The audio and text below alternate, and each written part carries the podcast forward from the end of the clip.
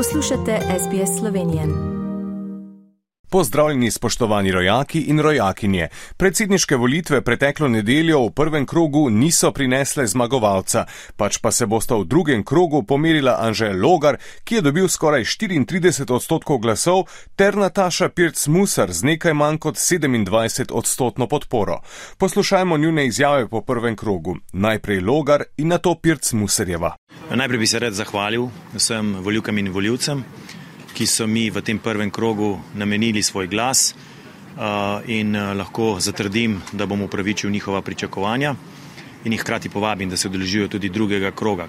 Ne bom spreminjala svojih stališč, ostala bom ista Nataša, kakršna sem že zadnjih 25 let in verjamem, da so voljivke in voljivci že v prvem krogu prepoznali, da je prav, da na to funkcijo pride nestrankarski kandidat oziroma kandidatka. Kandidat dveh največjih koalicijskih strank, Gibanja Svoboda in SD-a Milan Brgles, je zasedel tretje mesto in tako ni prišel v drugi krok.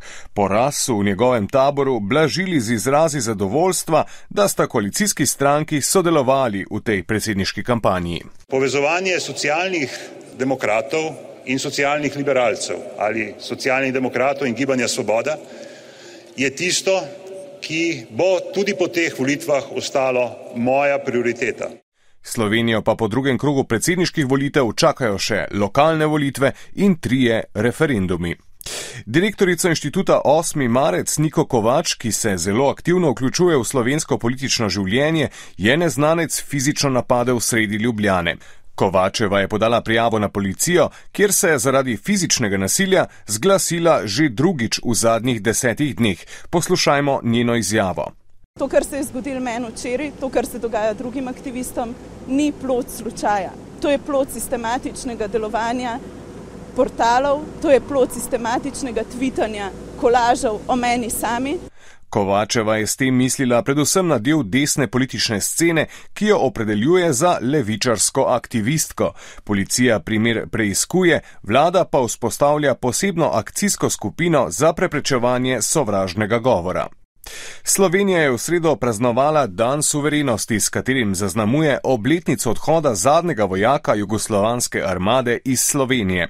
Osrednja državna slovesnost je bila v Gorni Radgoni. Predsednik republike Borut Pahor je za izjemne zasluge s časnim znakom svobode odlikoval generacijo miličnikov, ki je zaključila šolanje 27. junija 1991 in bila še isto noč napotena v vojno za Slovenijo. Predsednik države je v svojem govoru potegnil tudi usporednice med našo osamosvojitvijo in trenutno vojno v Ukrajini.